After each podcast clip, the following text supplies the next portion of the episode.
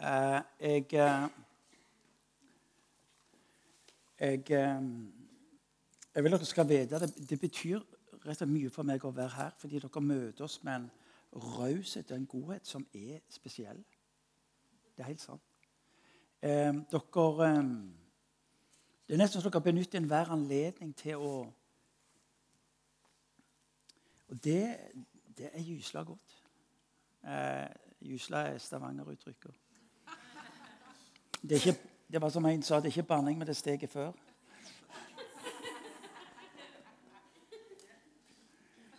Eh, det, det, det, er vakkert. Jeg må si det. Det, det er, er, er, vakkert. Og jeg eh, tenkte jeg skulle reise til, til Frauland og tenkte ja vel.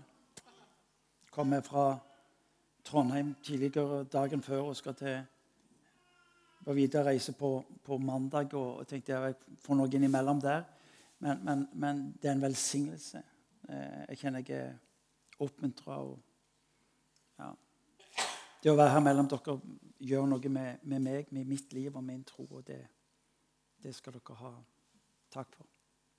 Det betyr utrolig mye for meg. Eh, temaet er helbredelse. og Helbredelse er jo en greie som er på et vis fryktelig komplisert. Og det stedet hvor det er mest komplisert, er jo i kirka. Det er veldig rart. Altså Kommer du til, til folk som er forbi kirka, de såkalt ikke-troende eller hedningene, så er det sånn Hva er problemet? Altså, de, de er de mest befriende mennesker jeg møter når det gjelder forholdet til det overnaturlige. For de sier ja, er det en Gud, så må det jo faktisk være såpass. Altså, det er sånn, ja, men altså, Hvis vi snakker med en Gud som allmektig, så må det være, må det være såpass. Altså, de har, de har, det virker som de har en helt annen referanseramme på hva som er mulig, og hva som ikke er mulig. Og så blir det da også ta, eh, tankevekkende når så mange av, eh, av den norske befolkning søker inn i det alternativet fordi at eh, de fant ikke kirka. Jeg husker vi, vi, vi, var ute på gata og ba en del år også, og hadde partytelt. Men du vet, De unge vet du, i dag de er, de er så modige. Jeg er ikke så modig som de. De går ute på gata og så stopper de folk og sier at du kan få lov til å be for deg. Jeg tenker, ja, det gjør ikke jeg. Hvis jeg skal ut og, for, og be for folk på gata, så vil jeg ikke ha telt, et partytelt. Så vil jeg en kaffekopp og en eh, vaffel som jeg kan holde tak i, som jeg kan gi til folk. Da er jeg i gang. Er du med?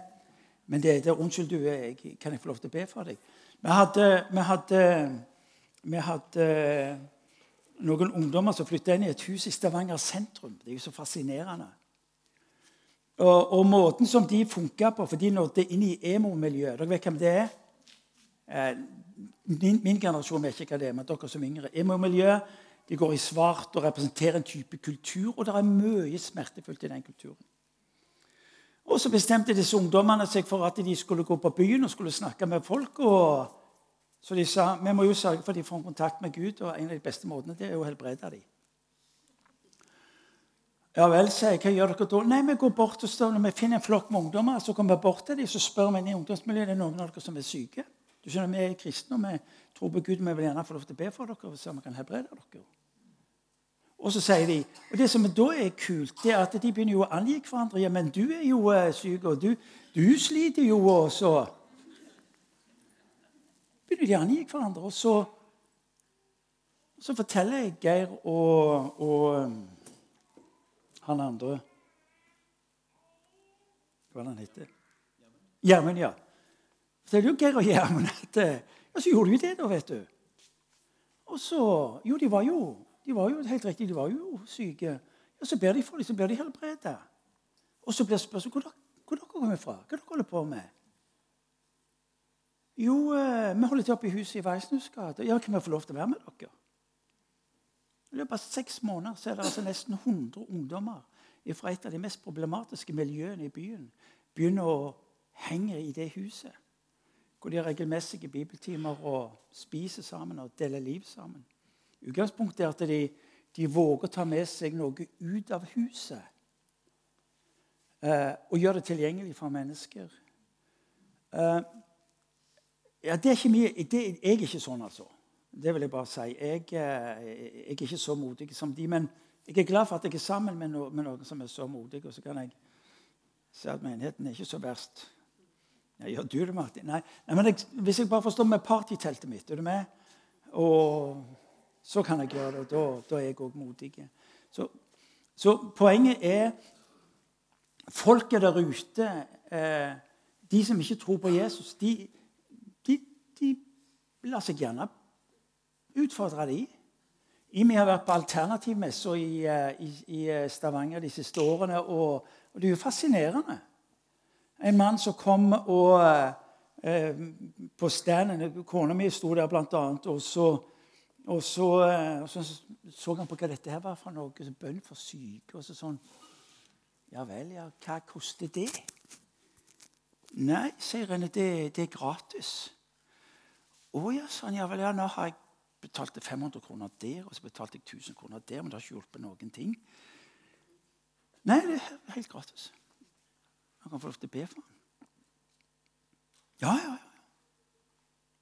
Be for ham nå. Kjenner du noe? Nei. Ja, men jeg be en gang til. Ja, ja. ja Hva var det? Hva er det for noe? Jeg kjenner jo ingenting. Hva var det du gjorde? Nei, jo ikke noe, jeg sier. Det er bare, bare feil. Så går mannen derfra helbreda. Helt forvirra. Kosta han ingenting. Kirka var på eh, alternativmesse. Og hvorfor skulle vi ikke være på alternativmesse, forresten? Og så eh, oppdager vi jo at det er et sug der ute etter et møte med en Gud som de ikke er i stand til å definere. For de vet ikke rett hvordan han ser ut. Og I den grad det fins en Gud, en kristen Gud, så er han opptatt med å ta dem.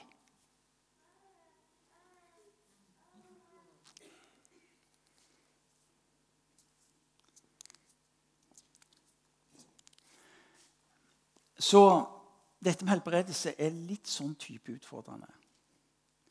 Og Det er så mange spørsmål som er knyttet opp til det. Det jeg vil gjøre nå, det er at jeg vil si litt om det som på et vis ble vår vandring, og jeg kunne nesten på å si eh, vår forståelse av denne dimensjonen eh, inn i kirka. Eh, og vår måte å gjøre det på praktisk. Og så skal vi avslutningsvis så skal vi trene, og så skal vi be for hverandre. Så har jeg bedt teamet mitt om å be Gud om kunnskapsord. Kunnskapsord er på et vis en type åpenbaring eller innsikt. En invitasjon til å søke Han for sitt liv. Cirka sånn blir det. Men du vet jo aldri. Eh, hvorfor er Kirka opptatt med helbredelse? Jo, fordi Jesus var opptatt med helbredelse. Så enkelt er det for meg. Eh, jeg, jeg, ville ha, jeg, ville ha, valgt helt andre ting hvis jeg kunne få lov til å Men, men kirka sin hovedoppgave må være å ha et fokus på det Jesus hadde fokus på. Er dere med meg? Altså eh, eh Jeg møter ei dame i Stavanger i partyteltet mitt, som sagt, og hun ble intervjua av avisa og og spørsmålet er om å be for de syke. Og så sier, Berus Borter, journalisten ja, blir der, eh, blir, eh, Har du vært i kirka og blitt bedt for? spør hun. Blir hun spurt, og så sier hun hva? Ber de for syke i kirka? Og jeg tenkte ja. I en sum tror jeg det, Nå snakker jeg ikke om kirka den norske, jeg snakker om kirka generelt. Uh, denne verden skjønner ikke hva vi holder på med. Eh, og opplever det vi holder på med, er relevant for de situasjonen. Så for oss i, i vår vandring så ble, det, så ble, det, så viktig å spørre eh, hva var det som var viktig for Jesus. Og det som var viktig for Jesus, det må være viktig for oss.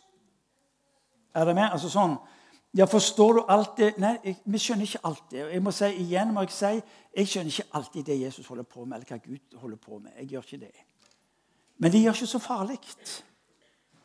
Jeg tror det, og så prøver jeg å være med på det. Og så oppdager jeg at når jeg hekter meg opp på det han holder på med, så skjønner jeg litt og litt etter hvert. Det er fremdeles et godt stykke til at jeg har hele bildet. Er dere med meg? Ja.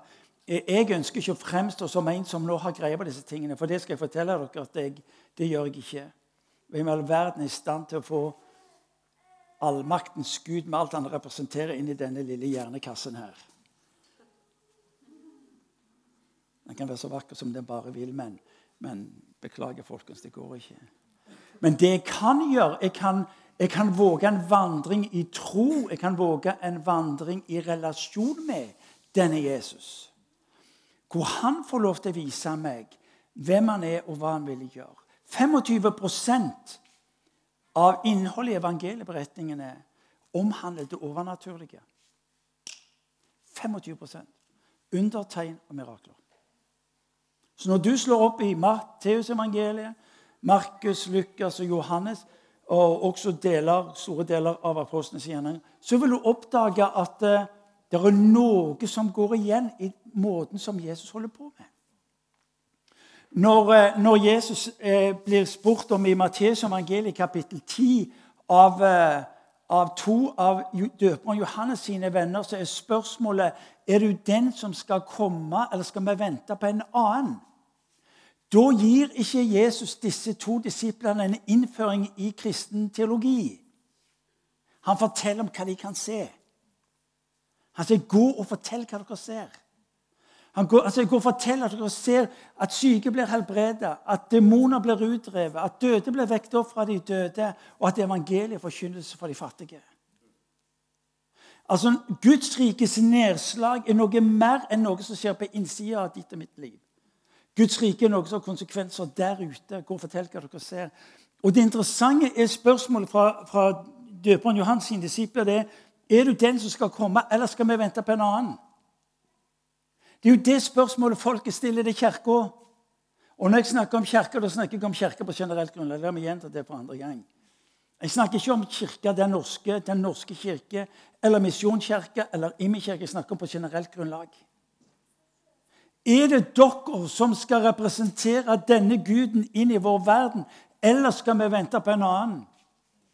Og Når du og meg ser åpenhet for det alternative eller andre religioner, så er det et faktum at vi etter 1000 år med kristendom i dette landet vårt, så er det faktisk et flertall av den norske befolkning som leter andre steder. Hvordan er det mulig? Men jeg tror Derfor er jeg så takknemlig for å leve av denne tida. Jeg tror at du og meg som lever i denne tida, skal få lov til å være en del av det Gud gjør inn i denne tida, med en synliggjøring av Guds rike, hvem denne Jesus er. For dere har hørt meg, Noen av dere har hørt meg si til det omtrent kjedsommelige det at denne verden har ikke sagt nei til Jesus. De vet bare ikke hvordan han ser ut. Og Hvis du kommer med et A4-ark hvor du har læresetning på plass, så skal jeg fortelle deg folk de nyser vel av de læresetningene dine. Men i det øyeblikket de erfarer en Gud som berører livet deres, så vil de begynne å høre etter. Og vi har opplevd igjen og igjen og igjen og igjen hvordan godheten blir på en sånn type førstelinjekontakt.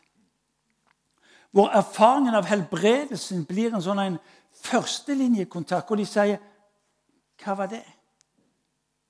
Når vi er ute med bussen vår, som jeg nevnte i sist sesjon, så, så, så eh, eh, Denne drømmen som Einar Martin hadde om å få lov til å ha ei kirke i form av en buss nede på torvet i Stavanger sentrum, så, så er det en forbindelse mellom mellom eh, eh, godheten, kaffekoppen, gjennom forbønnen for sykdommen og at mennesker responderer og tar imot evangeliet. Vi har en tendens til å snakke om at eh, vi må nå folk med, med, ordet, med evangeliet. Ja, vi må nå dem med ordet. Men det er faktisk ikke det som treffer hodet ditt, som beveger mennesker, men det er det som treffer hjertet ditt. Men vi skal sammenholde det. Ja, ja, ja. Men Jesus berørte menneskers hjerte. Så I vår vandring som menighet så ble dette litt sånn type Vi hadde bedt for folk som var syke, og vi så lite og ingenting skje. og vi tenkte vel det var vel sånn det skulle være. Og så på et vis så avfant vi oss til min dag bestemte oss for nei. Hva er det Guds ord sier? Hva er det vi nå utfordrer oss på å gjøre? Og så gikk vi tilbake igjen, og så begynte vi å jobbe mye mer systematisk. Og vi løfta det inn i gudstjenesten vår og begynte å praktisere dette midt i gudstjenesten vår. Og jeg fikk mye kritikk. Folk slutta å gå i meg og alt det der. Men det er ikke så farlig. De kom tilbake igjen litt seinere.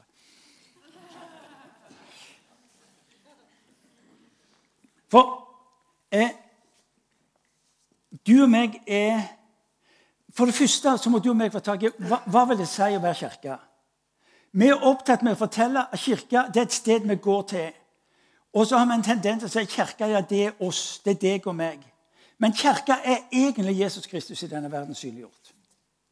Hvis det er mitt utgangspunkt, at kirka ikke primært er et hus, aktivitetene våre, men at Gud har valgt å åpenbare seg mellom oss, det er utgangspunktet. Eh, se for deg tre sirkler.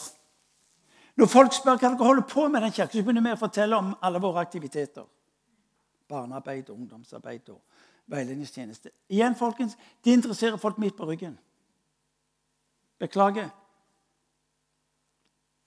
Vi begynner å fortelle hvordan det funker og strukturert, og tror jo folk er interessert i hvordan vi driver kirke. Det bryr de seg heller ikke om. Men de er opptatt med hvorfor kirke. Når folk får tak i hvorfor kirka, hvorfor Misjonskirka i Froland, hvorfor Imi-kirka, så er vårt svar når folk spør hvorfor Imi-kirka, jo fordi Gud har valgt å åpenbare seg der. Det er forskjellen på Imi-kirka og den lokale fallskjermklubben. En gang til. Det er forskjellen på den lokale kirka, hvor Guds folk kommer sammen, og den lokale fallskjermklubben. Fordi folk sier men hør Martin, jeg er ikke religiøs, jeg er opptatt med fallskjermhopping. Som om kirka representerte aktivitet. Er dere med meg? Dette er utrolig viktig for dere å få tak i. Hvorfor i min kirke? Jo, fordi Gud har valgt å åpenbare seg der. Wow! Hvorfor misjonskirke på Froland? Jo, fordi Gud har valgt å åpenbare seg der. Wow. Gud ja.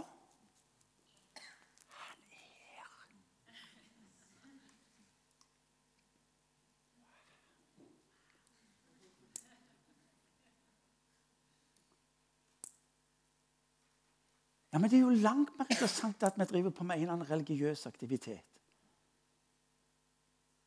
Det er Gud. Gud har sagt at jeg er der. Jeg er midt imellom dere. Der to eller tre er samla i mitt navn. Der er jeg. Herren din Gud er i det midte, profeterer eh, profeten i Sefania kapittel 3. Til en gjeng som hadde sausa livet så skikkelig til å fortjente mer bank og juling og oppgjør istedenfor nåde og Guds godhet. Herren din Gud er i din midte. Du fortjener det ikke, men jeg elsker deg for mye til å la være og ikke være til stede. Han kan ikke la være å holde øynene på meg. Det er noe der. Så hvorfor Misjonskirka på Froland? Dette er Hvis ikke du får tak i det, vet du hva, så blir spørsmålet om helbredelse et spørsmål om din tro, din fromhet, din prektighet og det du får til. Den, folkens, den bærer ikke langt, altså. Er dere med meg? Så det første du må få tak i, det er at Gud har valgt å åpenbare seg mellom dere.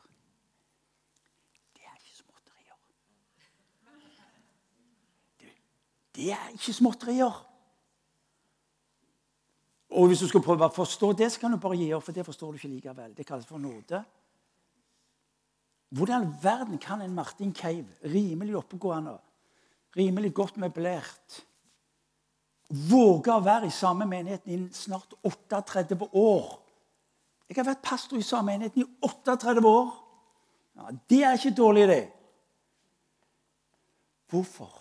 Fordi jeg tror at han åpenbarer seg mellom oss.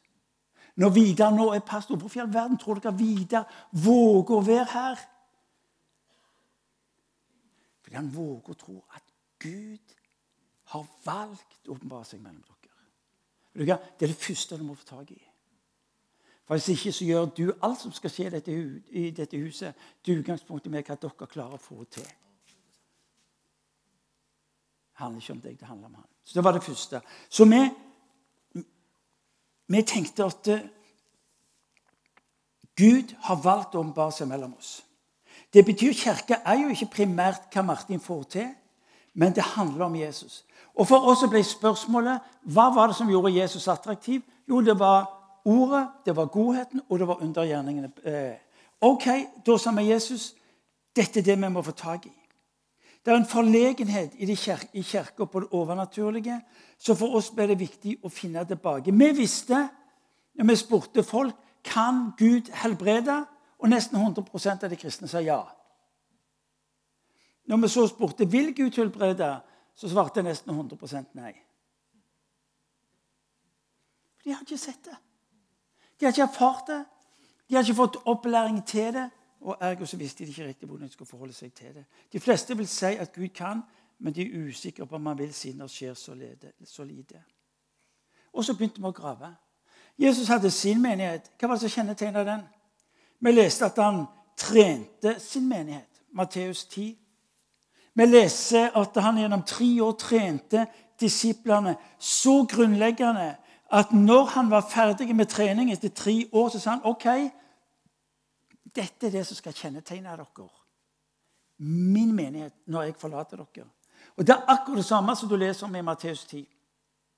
Disse tegn skal følge den som tror, står der i Markus evangeliet. Og Jesus sa til vennen til, til, til Johannes, hør nå gå og fortell hva dere ser. Jesus trener disiplene sine utelukkende på én ting. Det at Guds rike skal bli synliggjort i deres liv. Og videre om meg og de fleste, nei, alle pastorer i dette landet. Det er godt mulig at vi bør legge om litt i treninga vår. Og bli ensidige. Vi er livredde for å bli ensidige. Ja, Men hvis Jesus var ensidig, kan ikke vi òg våge å være det lite grann da? Lite grann. Jeg vet ikke helt hva dere skal tro.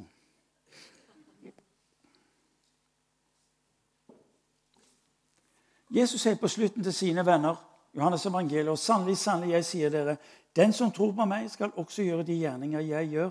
Ja, han skal gjøre større gjerninger, for nå går jeg til Faderen. Det Jesus snakker om, det er gjerninger av Guds rike karakter som har nedslag blant mennesker. Dere skal gjøre større gjerninger. Skjønner jeg det helt? Nei, jeg gjør ikke det. Ikke litt heller. Hva er det han sier for noe i Johannes evangeliet kapittel 15, vers 4? Bli meg, så blir jeg i dere. Som Han er i denne verden, er vi i denne verden, sier han. Og så lærer han oss forkynne evangeliet, helbrede de syke og kaste ut demonene. Men dette fulgte også den eh, Når du leser apostlenes gjerninger De tok dette med seg. Det du nå skal få tak i, det at når, når Jesus er ferdig med å modellere og trene sine disipler gjennom tre år, så tar han de inn i apostelens gjerninger. Og så var det som jeg sa i Markus, Markus evangeliet kapittel 16 Og disse tegn skal følge dem som tror. I mitt navn skal de drive ut onde ånder, de skal tale nye tungemål, de skal ta slanger i hendene, om de drikker dødelig gift, skal ikke skade dem.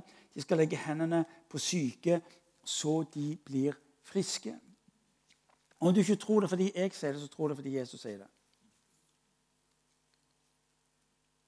Så tror det fordi Jesus sier det. Dette fulgte Kirken. En av kirkefedrene, Origenes, eh, han sa det slik De driver ut onde ånder, de utfører mange helbredelser, og de forutser visse begivenheter, det profetiske. Jesu navn kan ta bort sykdommer. Dette var altså Kirkens selvvitnesbyrd gjennom kirkefedrene. Ireneus, biskop, en av oldkirkens teologer, han sier de som i sannhet er hans disipler og mottar nåde fra ham, utfører mirakler i hans navn for på den måten å virke til andres beste. Alt etter den gave hver enkelt har mottatt av ham. Noen driver virkelig og i sannhet ut djevler, slik at de som blir renset fra onde ånder, ofte tror på Kristus og slutter seg til menigheten. Not bad. Andre har forutviten om ting som skal komme. De ser syner og kommer med profetiske ytringer. Atter andre helbreder de syke ved å legge hendene på dem, og de blir friske. Ja, som jeg har sagt, er endog døde blitt reist opp, og de har blitt værende hos oss i mange år. Dette er altså teologenes, kirkefedrenes vitnesbyrd og bekjennelse om kirka fra år 100 til år 300. Hvorfor er det viktig for meg å nevne det nå? Jo, fordi at du og meg må forstå det er en forbindelse mellom Jesu liv gjennom vanlige mennesker i menigheter som sleit med livet sitt. Så var det ei linje hele veien som gjorde at Guds rike var synlig og tilgjengelig for de menneskene som var der. McMullen, Ramsey McMullen, eh, tidligere professor på universitetet i Yale i USA, en av, en av eh, de fremste kjennere på, på, romersk kultur og historie, han sier nesten sitat, han sier det som eh, eh, fjerna den romerske religion, var eh, kristne enkeltmennesker, eh, familier, som helbreda de syke, og som drev ut de av mennesker. Det var hovedfaktoren som ødela den romerske religionen. Ramsay McMullen, 2001, utnevnt til å være den fremste kjenner av romersk historie eh, i USA. Eh, det var noe som fulgte kirka.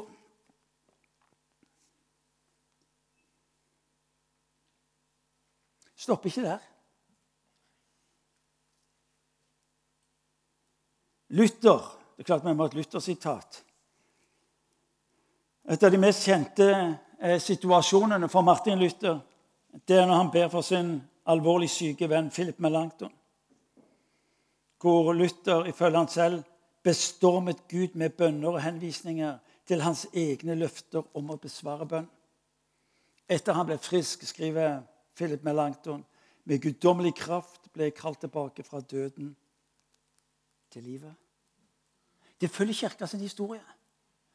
For dere som har vokst opp i eh, Misjonsforbundet, dere har også noe av den samme historien.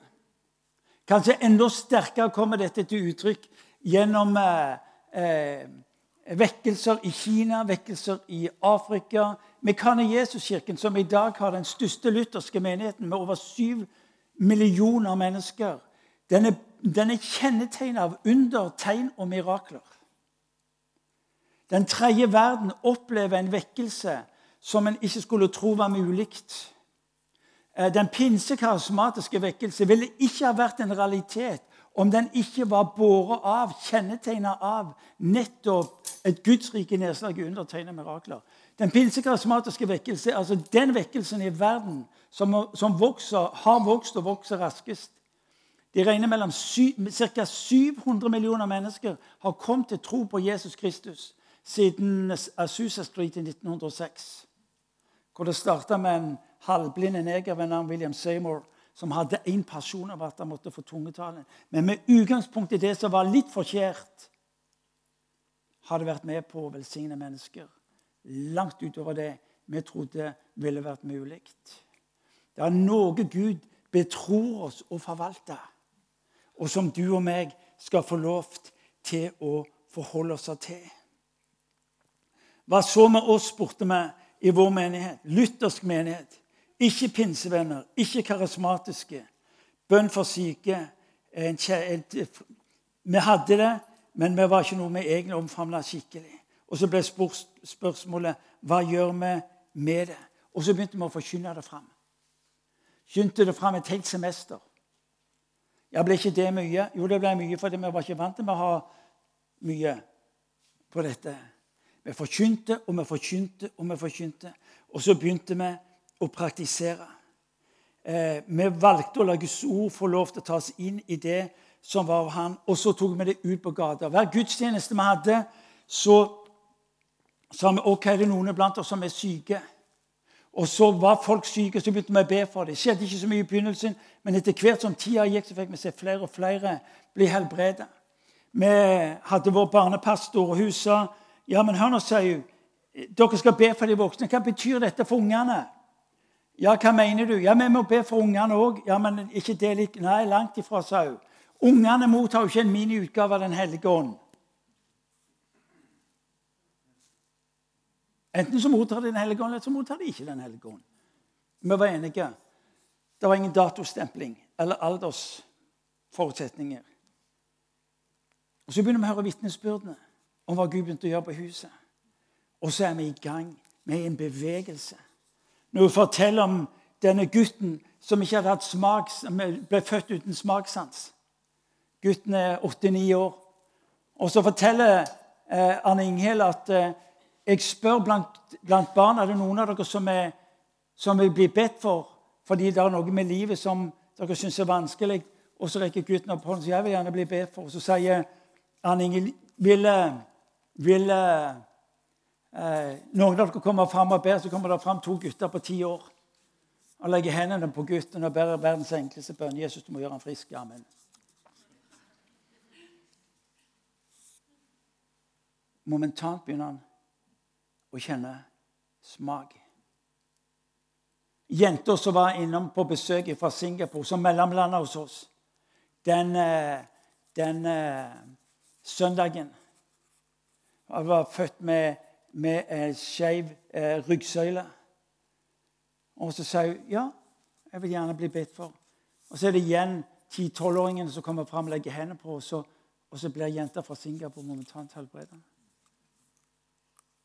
Noe var i gang mellom oss, og vi kjente at Gud tok oss inn i en ny dimensjon på en langt mer dynamisk måte. Vi tok det ut på gata. Vi eh, så at flere og flere av våre medlemmer begynte å leve i forbønnen for de syke. Bill Johnson har sagt det slik, pastor i Bethel Church, han har sagt det slik Gud har gitt deg det du trenger for frelse og salighet, men det du vil ha, må du gå for. Det ble utfordrende for oss. Han har gitt deg det du trenger for livet, men det du vil ha, må du gå for. Dere har ikke, sier han, for dere spør ikke. Ja, hva vil det si å spørre? Det vil si å være lenge nok i det du tror Gud har for deg, til det blir ditt. Av gaver, av utrustning, av det som du tror skal få lov til å bety en forskjell. Og så så vi at tingene begynte å skje mellom oss husker jeg eh, vi var på gata, og så, og så, eh, og så eh, spurte jeg Nei, jeg for kunnskapsord, etter kunnskapsord var migrene. Jeg, jeg står der med partytelt, og så kommer det en mann bort til meg og så sier han, hva er dette for noe. Eh, bønn for syke. Så sier han ja, vi ber for syke. Å ja. Ja, er du syk, sier jeg. Ja, fryktelig migrene. Ja, hvis du vil, så kan vi be for deg. Ja vel. Sekkene satte seg i teltet, og så griper Gud inn, og så helbreder momentant. Han gikk rundt, han gikk rundt partyteltet vårt i to timer. Det, det, er noe av det mest snåle jeg har sett. For han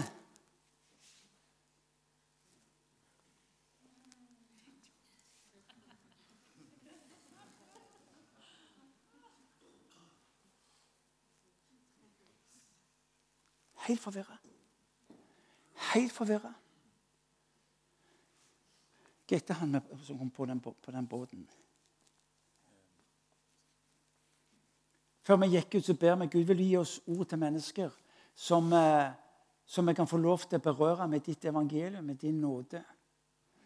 Og så er det Anne, en av som er med på teamet ute på gata. Og så, og så begynner hun å snakke med en mann, og så opplever hun at det ordet hun har fått, er til han. Og ordet er 'Jeg ser du er på vei til en båt', men Gud sier du skal ikke gå på den båten, du skal gå på en annen båt. Og Så forteller den unge mannen at han var kommet til Stavanger, hadde hatt en jobb, og nå skulle han ta en båt, ta en båt til de vestindiske øyer, for han var involvert i narkotika og skulle bli en del av et større narkotikakartell der borte. Og ordet var du må ikke gå på den båten, du må gå på en annen båt. Han går på en båt og tar han til, Norge, til Lofoten. Der blir han frelst og blir en del av en menighet. Og nå reiser han rundt og er med på å forkynne evangeliet til folk.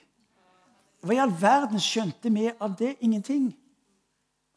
Men det er det å begynne å våge å la seg involvere i det Gud holder på med, uten at du skal ha de store såkalte opplevelsene. Det er bare det Gud, ok, dette, dette gjelder det. Jeg står der nede i byen eh, foran teltet, og så, så kommer ei mor forbi og så med gutten på sånn en eh, Noe i den turen, ja. Sparkesykkel. Og så sier jeg, du, kan jeg, kan jeg få lov til å Jeg, vet, jeg tror så et eller annet om å be. Nei, det var ikke aktuelt.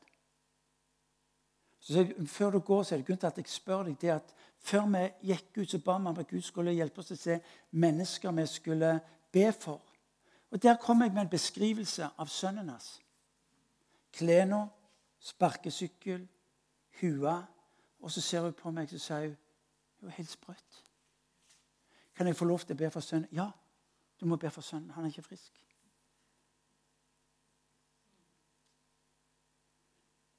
Husker du hva jeg underviste i forrige sesjon om Guds virkelighet? Han tar oss inn i sin virkelighet. Henrik, elleveåringen som, eh, som hadde slitt med plattfot hele sitt liv. Og du kan si men plattfot, er det så mye? Ja, for en elleveåring som har kroniske smerter, som når han kommer hjem fra skolen, har så vondt at han ligger og griner på senga. Han kan ikke spenne fotball, han kan ikke gå tur, fordi at plattfoten er av en sånn karakter. Der din minnefot går bøyen den veien, gikk han motsatt vei. Og så forteller Henrik, eh, da han er på en konferanse vi har i huset vårt for to år siden, to år siden så forteller han jeg var altså så sint på Gud at jeg sa hvis ikke du gjør noe nå, så er det et eller annet som klikker. Mine ord. Og så blir han bedt for, og så forteller han at de ber for ham, og så, og så er det akkurat som noen driver på hamre. Det var så vondt. Det var akkurat som om noen drev på å hamre inn i fotbladet mitt. Og når de så tar av han skoen og sokken, så ser de at buen går motsatt vei. Fra den dagen av er han fri for smerte. Fra den dagen av spiller han fotball som alle andre 11-åringer gjør. Og så er det noe som er født i Henrik sitt liv. Han sliter med kraftig dysleksi. Som helt fram til han var tolv år, forteller mor Yvonne og John eh, som forteller at, eh, at eh, Henrik han kunne knapt skrive to setninger uten at det var en hel masse feil i dem. Og så er de en dag på besøk hos en annen familie i menigheten. Og så kjenner de de skal be for Henrik om at Gud skal møte han i dysleksien. Så ber de om at Gud bare skal velsigne han, eh, helbrede han fra dysleksien. Og så forteller Yvonne Dagen etterpå så ringer Henrik til mor og forteller han, 'Mamma', sier han, 'i dag har jeg skrevet ei hele side. Kan du komme hjem og se hvordan den er?' Så kommer mora hjem, og så forteller Yvonne Alt var skrevet prikkfritt. Så kan noen av oss tenke ja, men han var alene og skrev det. Ja, det kan en tro. Men noe hadde skjedd. Yvonne forteller at når de ba for ham, så ser hun noe skje med øynene til gutten, og han er forandret. Så fortalte Yvonne meg i, i mai i fjor så forteller hun gledesstrålende så Gud, Gud er god. Så sier hun at, at de hadde hatt en engelsk prøve på skolen. De hadde 80 ord Engelsk var det vanskeligste faget han hadde. Altså, Norske ord var vanskelig, men engelsk var helt corny. Det var helt håpløst. Og så forteller hun de hadde 80 ord av de mest brukte engelske ordene. Og eh, Henrik kommer ut som den nest beste eleven med én feil. Den beste eleven var, hadde bodd i USA i mange år. Og så sier læreren her er det noe som er gale. Vi tror ikke dette kan stemme. På en eller annen måte så fusker denne gutten deres. Men vi vet ikke hvordan han gjør det. Hvorfor forteller jeg dette? Jo, fordi at du og meg skal få utvide forståelsen av at når du og meg leser i Nytestamentet om hva Gud gjør, så er det ikke noe du skal se tilbake til og preike om. Men du skal få se tilbake og vite som han var den gangen, vil han være i dag. Er dere med meg? Derfor starta vi helbredelsesrommet. Vi har i dag mellom 1000 og 1500 mennesker som er innom helbredelsesrommet i løpet av et år. To timer hver lørdag eh, har vi helbredelsesrom. De kommer inn, de setter navn på det som er sine sykdommer, det de sliter med. Og så er de der i Guds nærvær, og så blir de bedt for. Og vi får lov til å se mennesker gå ifra det rommet nesten hver lørdag, enten helt helbreda eller forbedra i sin livssituasjon når det gjelder sykdom. Eh, det er gledelig at stadig flere, og jeg vet at dere også her tenker på å dra i gang det samme Kan du tenke noe mer vidunderlig enn folk vet at legene har gitt meg opp?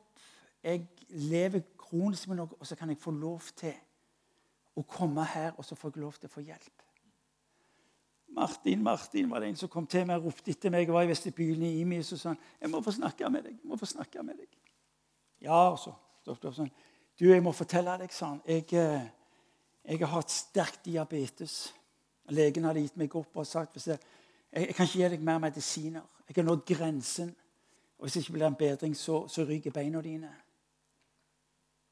Og så forteller han at han hadde, hadde hørt om helbredelsesrommet. og Så gikk han i helbredelsesrommet, og så og så eh, begynte han å gå der regelmessig. Og Etter hadde gått der noen ganger, så kom han tilbake igjen til legen og spør legen hva, hva er det du holder på med. Ja, hvordan står sier han. Nei, verdiene dine har gått ned og er bortimot normale. Hva, hva, er det du holder på med? Hva er det, hva er det du gjør for noe? Og sier han, jeg går i helbredelsesrommet, så ber de for meg. Ja, Det må du bare fortsette med. Du må bare stå på og fortsette med. Og denne som da i alle år hadde slitt med diabetes, vet du hva han gjør hver, hver lørdag når han kommer? Så har han med seg ei konfekteske.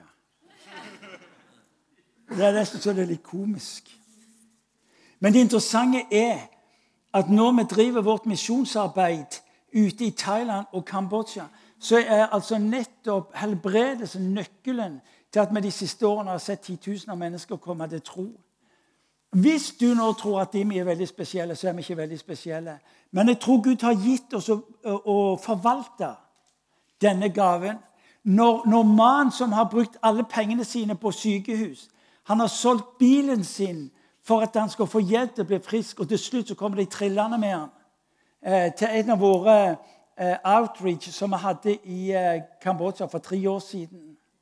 Og De så ber for han, Han blir momentant helbredet. Da er det ikke så rart at hele familien hans blir kristen. Da er det ikke så rart at hele landsbyen bestemmer seg vet hva, denne makta fra denne Jesus er sterkere enn det åndene representerer. Og så er det det vi ser igjen og igjen og igjen. Når vi i dag er ute i Kambodsja, så forkynner vi evangeliet. Vi ber for de syke, ser de blir helbredet, og så tar folk imot evangeliet. Siste året mer enn 15 000 mennesker kommet til tro på Jesus. Og dette er ikke massekampanjer. Dette er at vi går inn i de små landsbyene deler evangeliet, ber for de syke. Er det forskjell på Kambodsja og eh, Aust-Agder? Jeg er ikke sikker på om det er det. Hva sa du? Akkurat det samme. På den store misjonskonferansen i eh, Edinburgh i 1912, tror jeg det var, så snakket de om, om vekkelsen eh, i, eh, i, i, Korea. Og så var det en som sa det slik ja, men det, det er forskjell på Korea og Kina. Og Da forteller historien at en som satt på galleriet, reiste seg og så ropte han ut at hvis ikke det samme kan skje i Korea som skjer i Kina, så tror vi ikke på den samme Gud. Og Det skal få lov til at dere blir kjent. Vi tror på den samme Guden. Jesus forventer at disiplene skal fungere med ham når han sier eh, 'gjør de samme gjerninger som jeg gjør'. Eh, et par ord. Hvorfor Hvorfor, hvorfor fravær av helbredelse? Hvorfor der og ikke her? For det første så rører vi ved mysteriet. Jeg har ikke forklaring. Jeg har ikke forklaring på hvorfor vår barnearbeider Maria dør av kreft. Hun er 34 år, og med den samme uka ser jeg en gutt som er død, bli helbredet. Jeg har ingen forklaring på det. Jeg har aldri prøvd å forklare det. Han har heller ikke bedt meg om å forklare det. Det er et mysterium her som du og meg må forholde oss til. Jeg vet ikke. Eh, I en luthersk kontekst vil vi snakke om eh, nå og ennå ikke. Altså, Guds rike har brutt inn, men ikke sin fulle bredde. Eh, en dag skal vi få se det i sin fulle bredde. Det er òg en forklaring som jeg må få lov til å forholde meg til, og som jeg tror er viktig for oss å forholde oss til. Men det er også en annen dimensjon Nemlig I Markus evangeliet kapittel 6 vers 5 så leser vi at Jesus kom til sin hjemby. Og så kunne han ikke gjøre noe der pga. folkets vantros skyld. Det er ikke tvil om at vi i den vestlige verden preget av opplysningstid, preget av fornuftstro, har funnet ut at det overnaturlige ikke passer inn. Nå må du ikke ta av, Martin. Nå må du være fornuftig, nå må du være nøkterne. Er ordene jeg hører når vi snakker om disse tingene. Fornuften. Altså, Jesus kunne ikke gjøre noe store gjerning der pga. folkets vantros skyld. Kan du tenke noe så, så tragisk? I Dekapolis, nabobyen, som han har rimelig heftig domsutsagn over, der skjedde undertegn mirakler. Nå skal du høre Fravær av Guds rikes nedslag er ikke primært synd, men vantro. Når du og vi konkluderer med at her er det så mye synd at her kan det ikke skje noe, skal jeg fortelle deg, Synda har aldri vært Guds rike problem. Guds rikes problemstilling det er vantroen. Vantroen sier nei. Synda er hjelpeløsheten fordi at synda ikke skjønte hva livet skulle være. Men det er to forskjellige ting. Gjør aldri spørsmålet der med Guds rikes nedslag på basis av at mennesker lever i elendighet, gjør feil ting, behandler hverandre feil. Hør nå. Han elsker å være der, for det var derfor han kom. Men vantroen, den lammer han. Det er helt rart, men den lammer. Og jeg, eh, jeg syns det er tankevekkende når jeg hører vitnesbyrd fra folk som kommer fra den tredje verden. Venner av meg som forteller vet du hva, Martin, det er et eller annet som skjer med deg. Det øyeblikket de flytter inn i en europeisk kultur, så er det noe som skjer med Guds rikes kraft og Guds rikes nedslag. Men når det er sagt, så tror jeg at Guds rike er sterkere enn denne verdens rike. Men du og meg må være tro. Og hvordan gjør vi det? Jo, det er å ikke miste motet eh, på det vi holder på med. Og Derfor så har jeg sagt inn i Imi kirke vi skal fortsette og så skal vi forkynne Guds ord, vi skal praktisere Guds ord til vi ser det Guds ord beskriver, blir en virkelighet mellom oss. Fordi Jesus har ikke gått ut på dato. Han er den samme. Ja, Men hør, Martin, hva gjør du da når du ser Du ber for folk, og de ikke blir friske. Hva gjør du da? Chris Gore, ansvarlig for forbønnstjenesten i, eh, i eh, Church i USA, han sa det slik. Jeg spurte han. Han fortalte meg eh, om at han akkurat en måned før hadde vært på reise. Han hadde sett eh, mellom 60 til 100 både som var døve og blinde, hadde fått syn igjen. Og jeg tenkte wow, dette er fantastisk. Men så tenkte jeg nå må jeg være luthersk i dette. her, så sier jeg, ja, men Hva gjør det med de som ikke blir friske da? Og så sa han, og dette svaret det skal du få helt gratis, men det, er, det, var, det gjorde inntrykk på meg. Han sa det er tre ting jeg ikke gjør, og så er det én ting jeg gjør. Jeg gir ikke den syke skylda. Jeg tar sjøl ikke skylda, og jeg gir ikke Gud skylda. Det er helgardering. Men der ligger hvilen. Jeg gir ikke den syke skylda hvis du bare tror nok. Det er ikke slik at hvis de jeg ber for, ikke blir helbredet, så tar jeg skylda. Det er ikke slik at hvis de ikke blir helbredet, så gir jeg vår Herre skylda. Det er tre ting jeg ikke gjør, sier Chris Gore. Det er disse tre tingene. Og så er det én ting jeg gjør. Det er at jeg eh, søker Guds ansikt, jeg søker Guds nærvær, så sier jeg, 'Hjelp meg til å hvile i deg og se hva du holder på med.' Fabelaktig. Når vi gikk fra kontoret hans, så sa For jeg var der sammen med min datter Hanne Therese, og så sa hun, 'Pappa, du skal vite at det at Chris Gaard har ei datter som er multihandikappa og trenger stell 24 timer i døgnet gudstjenesten litt senere, etter gudstjenesten, så ser jeg Chris Gore bære sin datter inn i sin spesialdesigna bil. 21 år.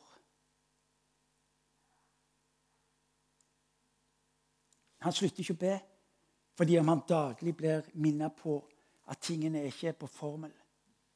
Men han er frimodig til å fortsette å be. Fortsette å be. Jeg leste et kort video så et kort videointervju med han, et klipp her i siste uke. Hvor han forteller at det den siste tida hadde vært så vanskelig fordi dattera hadde vært så sjuk. Mange av oss mister frimodigheten på å be fordi vi ikke fikk bønnesvar. Jeg husker jeg ble, var i Bethel Church for noen år tilbake, og en av de som ba for meg, han satt i rullestol. Han ba vet du, så det smalt etter. Og plutselig så blir det et leven bak meg. Og jeg snur meg og ser at der er ei dame som har sittet i rullestol i 19 år hun reiser seg. Og han som sitter i rullestol, han er omtrentlig fra seg av begeistring. Fordi han opplevde at Guds rike var kommet nær og berørte mennesker. Og så er det det som blir det viktigste. Eric Johnson, som er leder av Battle Church, som i dag eksponeres blant annet som et sted for mye helbredelse, han er 80% døv. Han kommer forresten på Åpen himmel i sommer i Grimstad. Slutten av han skal tale på Åpen himmel, som Mimi har. Han er 80 døv. Ber for folk som er døve, og de blir helbredet. Jeg har en hel haug med kroniske sykdommer som ikke blir helbredet ifra. I eh, januar måned var jeg bare minutter fra å miste livet pga. en alvorlig allergi. Jeg ber at mennesker skal bli friske. Jeg ser folk blir friske rundt meg. Men jeg, jeg sjøl blir ikke frisk. Hvorfor? I don't know. I don't know. Men jeg fortsetter å be. For jeg kan ikke definere hva Guds rik skal gjøre med utgangspunkt i det jeg forstår eller min egen situasjon. Og så går jeg på. Hvordan får jeg tro? Troen kommer av forkynnelsen. Dere er sultne, dere vil dette her. Dere hører Guds ord. Reis på steder hvor de underviser om det.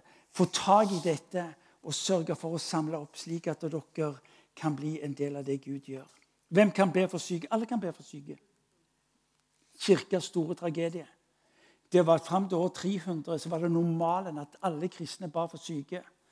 Eh, da kristne ble en statsreligion under keiser Augustin, så ble det plutselig en formalisering. og Det var kun de, de, som var prester og ordinerte. Og så dør det hele ut. Alle kan be. Og Hvis dere ser på oss i Freimi og tror at vi er spesialister, så vi er spesialister i den grad vi er alle spesialister. Og spesialistkarakteren har sitt utspring i at han har tatt bolig i deg. Hør igjen. Gud lengter etter å eh, berøre mennesker ved ditt og mitt liv. Helt til slutt to ting. Det ene Jeg tror at det Gud kaller oss til å gjøre, det er å være tro i det lille han setter oss inn i. Vi sier jeg ba for en som var alvorlig syk. Det skjedde ingenting. Jeg tror Bibelens ord må være tro i smått innebærer at han også vil sette oss over større ting. Det er noe av det vi ser i, uh, i menigheten eh, hjemme. Det er at uh, Vi har ikke sett de store helbredelsene. Men vi ser at noe holder på å skje mellom oss, og vi ser stadig flere og flere bli helbredet av tyngre sykdommer. Diabetes, dysleksi eh,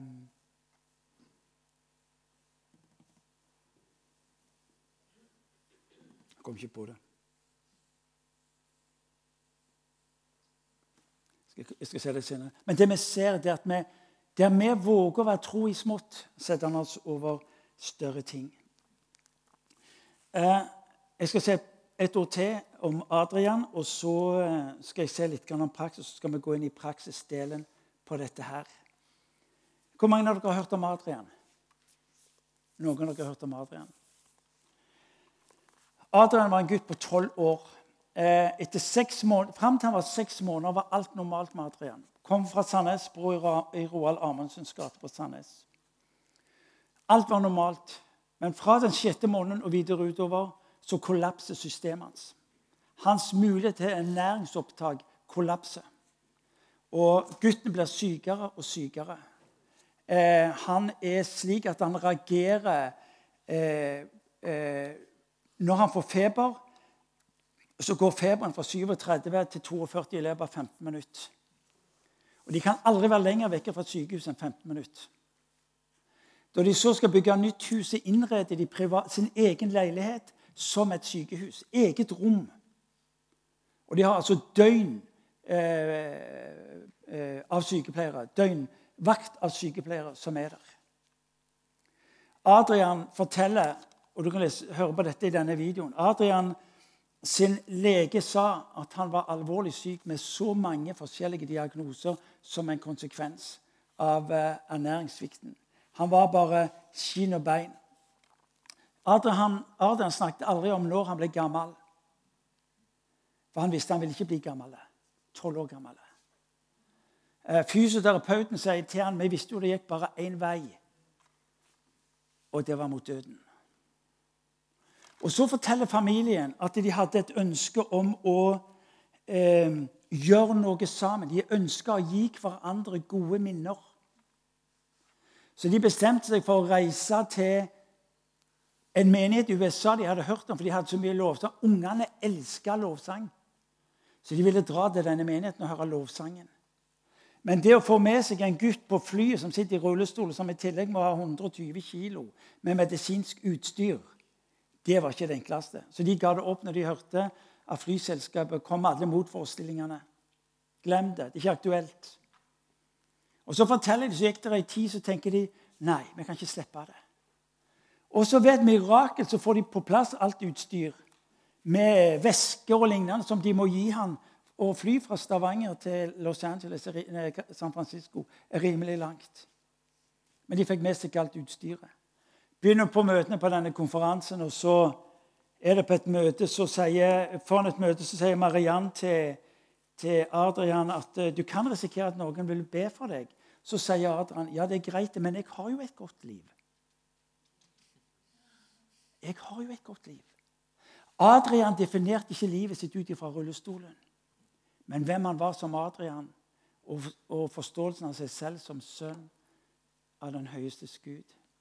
Og Så forteller Mariann mora at eh, etter et møte så, så, er det spørsmål noen som er syke, om de vil bli bedt for å og Så ser, ser Mariann at Adrian løfter hånda, og så, og så sier den som leder møtet, kan du som står ved siden av den som løfter hånda, legge hånda på ham. Og da bes en enkel bønn. Det er alt som skjer. Om ettermiddagen så, så forteller eh, Mariann, eh, mor til, til, gutten, at eh, vi dro ut på restaurant og snakket sammen for å, for å eh, hente fram hva vi hadde hørt og sett som hadde skjedd. Og Mens de sitter der og bestiller mat, og spurte Adam kan jeg få en brødpinne. Dere vet hva brødpinne er? Disse smale vet du, som står i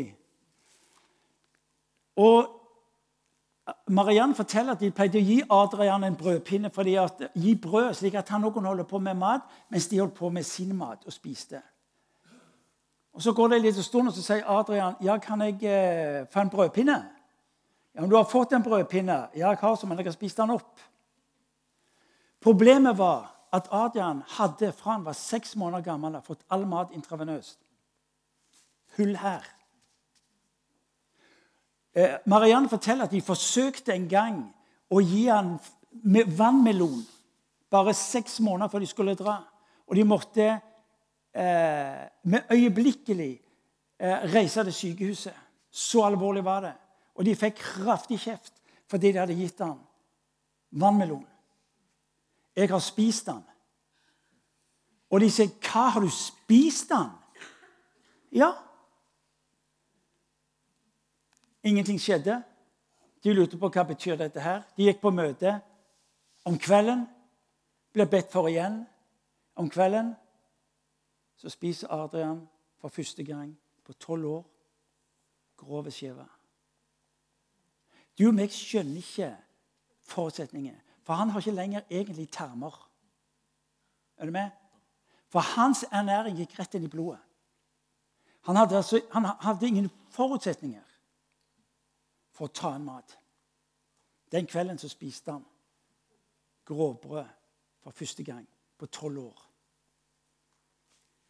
Og Mariann og Thomas tenker er det galskap, det vi nå har gjort? For dette kan ta livet av han. Dette kan ta livet av han. Men brødpinnen ble et sånn et ja, men Har Gud gjort noe i livet hans? Hele natta går de fram og tilbake for å se hva som skjer. Gutten sover rolig, ingen problemer. Neste morgen så våkner de av et brøl fra toalettet. Der sitter Adrian på do. Og For første gang i sitt liv så ser han en brune kabel.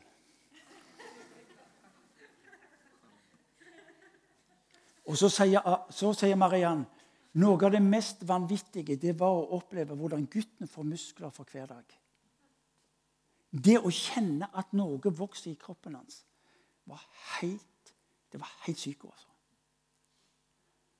Når hun så kommer hjem, så forteller hun at de triller han inn på rullestolen til fysioterapeuten. og Fysioterapeuten skal begynner å behandle han, så ser hun på han, hva er for de sier ingenting til fysioterapeuten. Så sier fysioterapeuten hva er det du har gjort?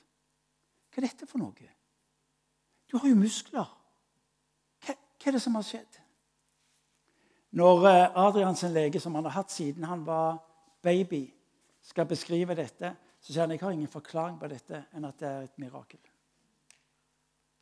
Jeg spurte Adrian to måneder etterpå så spurte jeg han hva er favoritten din. Det er hamburger, og så er det Fanta. Nå springer han rundt som enhver 16-åring og leve et liv ubeskrivelig. Adrian, videoen, det er en dokumentar eh, som jeg gjorde eh, oppdrag med for tre og et halvt år siden. Eh, se den. Kjøp den, se den. Og la den være til oppmuntring og inspirasjon. Gi den til andre som tror at Gud har gått ut på dato og slutta å handle inn i vår tid.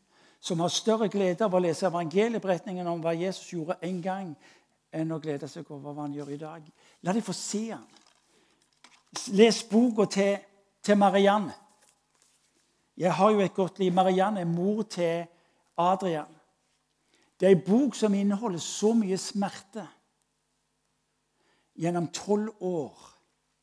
Og Når jeg spør Marianne men hør Marianne, hvorfor, hvorfor helbreda Gud ikke Adrian han var åtte år, eller seks år, eller ett år, eller seks måneder, så sier Martin jeg vet ikke. Jeg vet ikke. Men jeg ønsker bare å dele vitnesbyrd om en Gud som har handla inn i våre liv. Og så lever vi med paradokset av at han ikke eh, ble helbreda med en gang, eller de mange andre som vi har sett ikke ble helbredet. I dag er Adrian med i vår forbundstjeneste og ber for syke. Ber for folk med samme sykdom.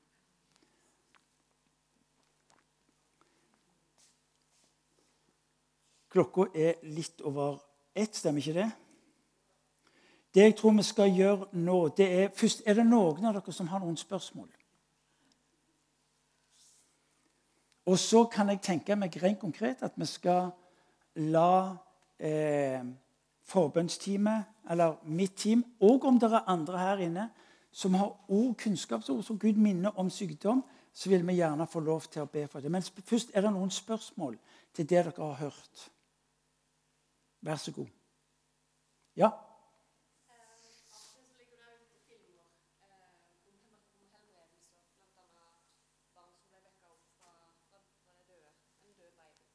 Eh, det er grunnen dere mest, med, med, mest redd for å møte. Mm. Altså, det der sinnet som kommer opp. Eh, og grunnen til det, og hva kan vi svare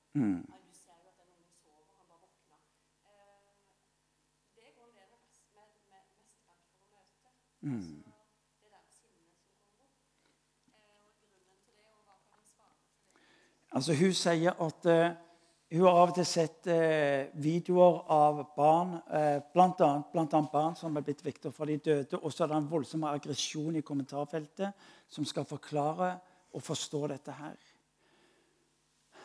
Uh, hva gjør vi med det? For det første så må vi ikke miste frimodigheten på det Jesus har bedt oss om å gjøre. Det er punkt én.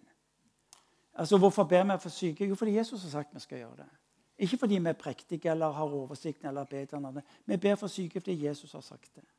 Og så ser vi at Når vi gjør det og våger å være tro mot det han har satt oss i, så er det noe som skjer, og vi ser det skjer. Vi ser, vi ser vesentlig flere bli helbredet i dag enn vi gjorde i IMI for fem år siden, for ti år siden, for 30 år siden.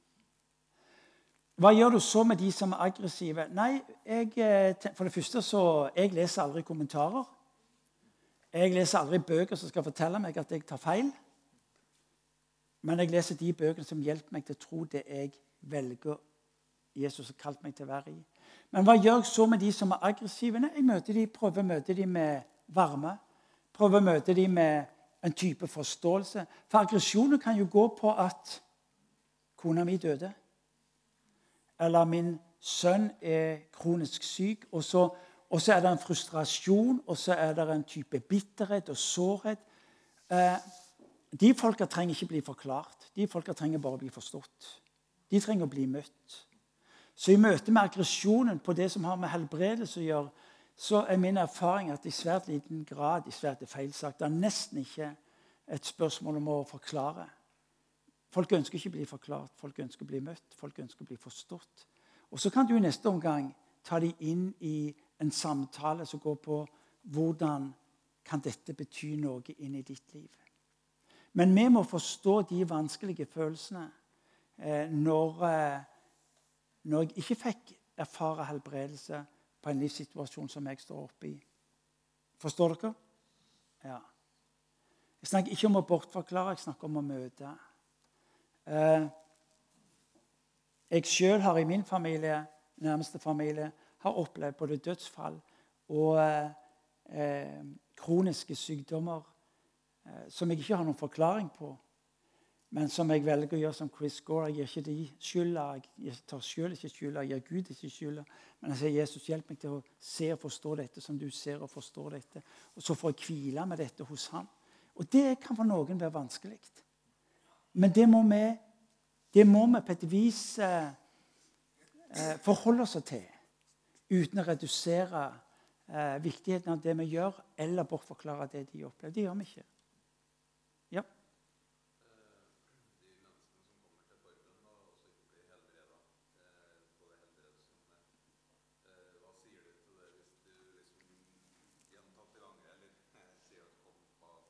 Mm.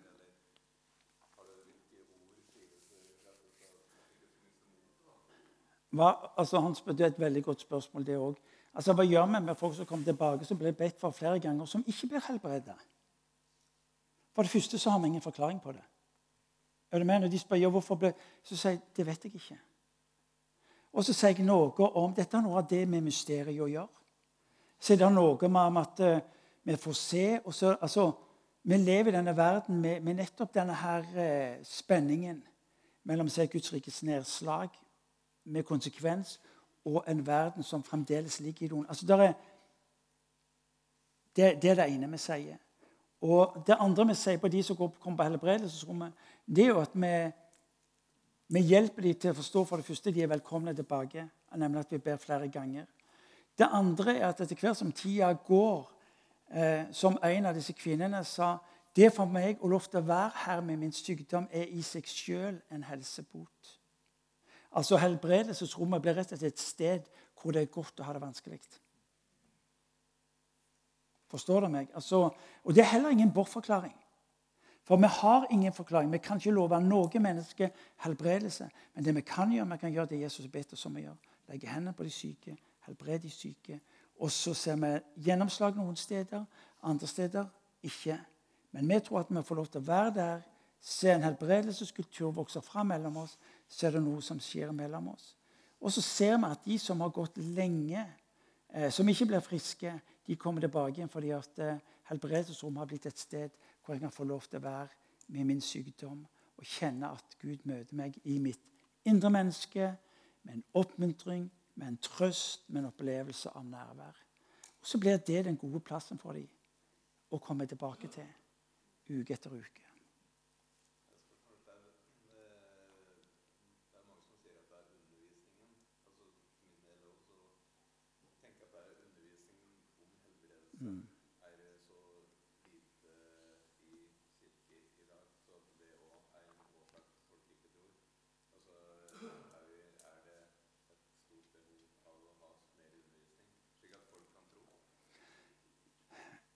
Ja, spørsmålet er eh, Snakker vi nå egentlig om forkynnelse? Mangel av forkynnelse, fravær av forkynnelse, er også nøkkelen til manglende tro. Eller snu på det. Troen kommer av forkynnelsen. Eh, og eh, min enkle tese er at folk tror det de blir forkynt. Det jeg ikke blir forkynt, har jeg heller ikke forhold til eller tro på. Og Vår erfaring i IMI det er jo at uh, dette er en så vesentlig del av vår forkynnelse at folk i stadig større grad eh, blir en del av det. Eh, nemlig også i skolepraktisering. Det var som jeg sa at uh, hun var med på, på outreachen til Kambodsja. Uh, hadde hørt forkynnelsen i mye mange år. Og så plutselig får hun høre at ok, dere må gå bort til de som er syke der borte. Plutselig gikk det opp for meg, sier hun. At det jeg hadde hørt gjennom mange år, det var jeg nå nødt til å begynne å praktisere.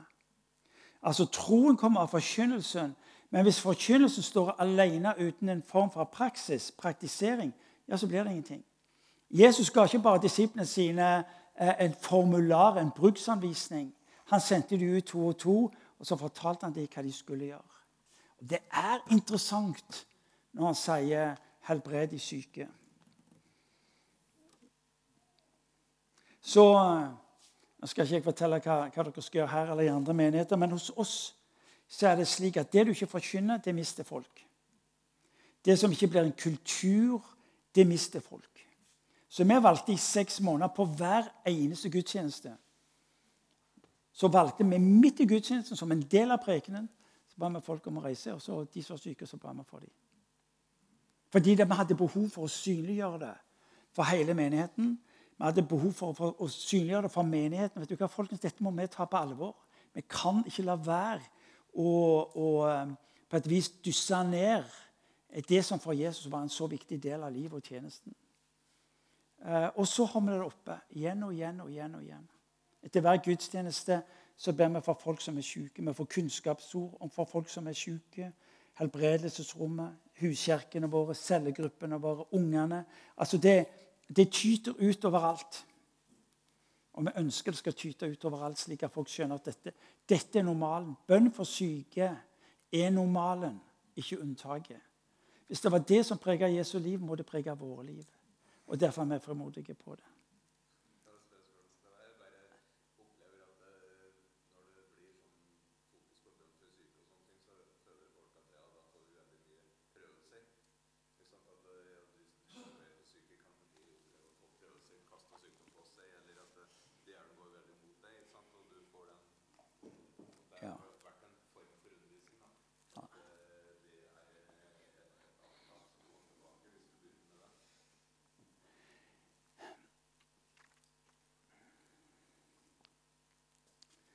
Altså, klart, Vi mener jo forskjellige ting om det. Det er klart, jeg, Slik jeg ut ifra Guds ord forstår ordet, så, så, tror jeg at vi skal få lov til å være frimodige på det han ber oss om å gjøre. Punktum.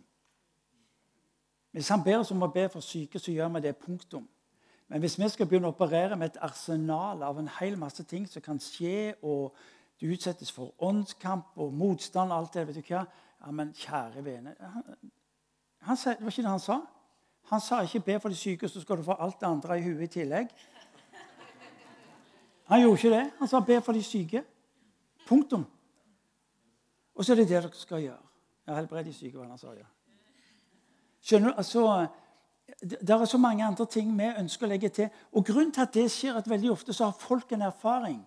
Jeg ba for er du med?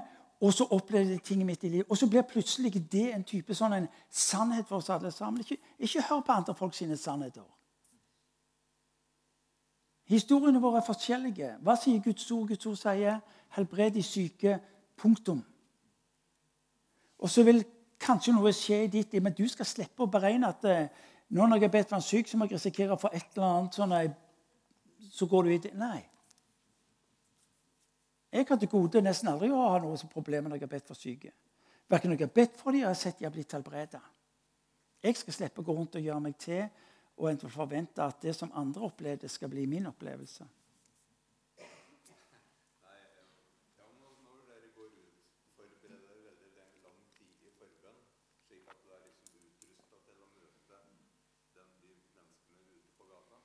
Det varierer.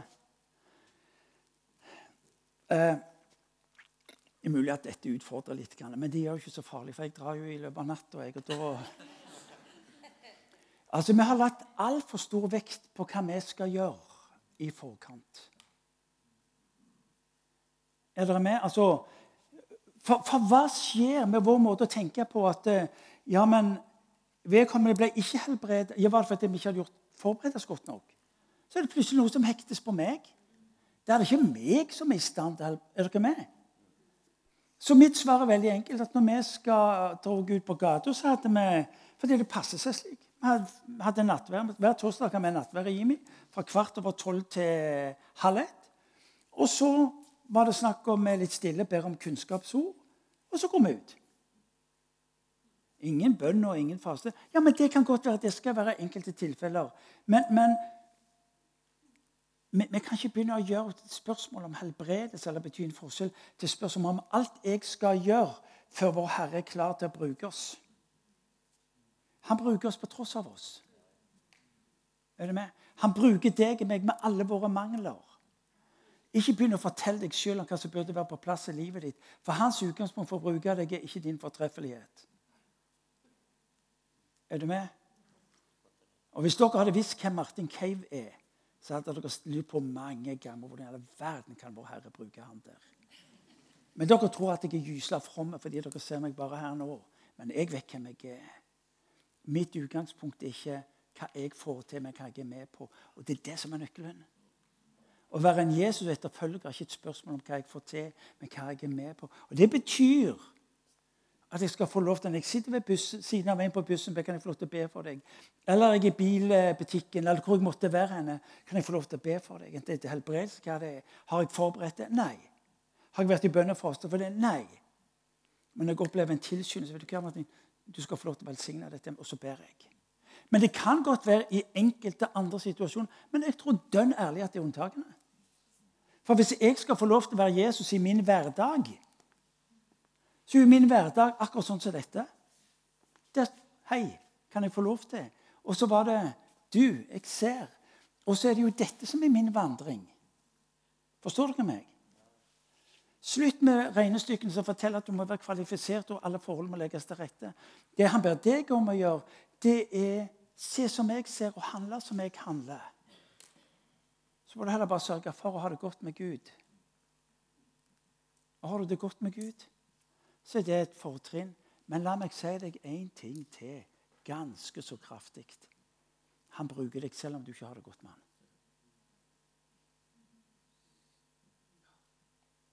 Midt i der hvor du kaver med synd i livet ditt, med nederlagene i livet ditt, med smerten og alt skulle annerledes i livet ditt Hør nå. Han bruker deg. Han bruker deg.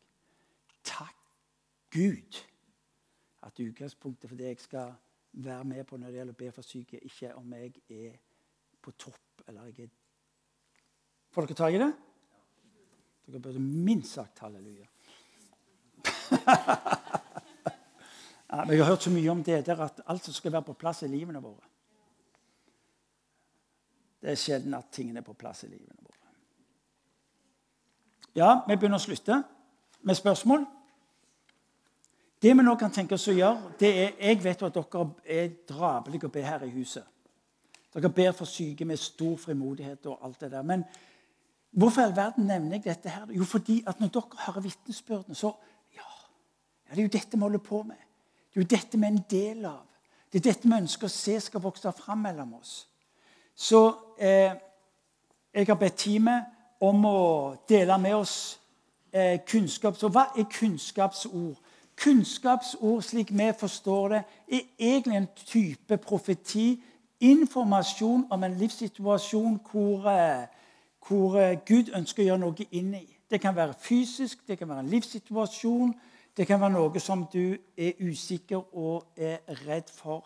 Og så vil Guds ord tale inn i det. Og så får vi altså lov til å be for det. Skal vi gjøre det? Bra. Da gjør vi det slik at Først lytter vi til kunnskapsordene. Jeg har bedt teamet om å, stå opp og si fram disse ordene. Kanskje du tenker at ja, men vet, vet, de med sikkerhet at dette kommer fra Gud? Nei, det er klart de gjør jo ikke det. Men det gjør ikke farlig, det. Er du med? Altså, Det som er fra Gud, det treffer oss. Det som ikke er fra Gud, det glemmer du med en gang. Det er veldig enkelt. Og så kanskje sitter du òg i salen og har kjent at du har kunnskapsord om Ja, så, så deler du òg det. Og så, så, så, gjør vi dette sammen. Og så kan jeg tenke meg at vi gjør slik at du som gjenkjenner dette kunnskapsordet i ditt liv, jeg vil at du bare skal reise deg, og så vil de som er rundt deg, be for deg. Og når dere Begynn å be, så skal jeg instruere hvordan vi gjør det i vårt hus. slik at dere kan få lære en måte å gjøre det på. Hvis du syns det er en grei måte å gjøre så tar du den med deg. Hvis du syns det var egentlig ikke noen måte å gjøre det på, så er ikke det farlig. Da har du en annen god måte å gjøre det på. Er dere med? Ja. Så enkelt er det. Det er ingenting som er av form som er guddommelig. Det er praktisk.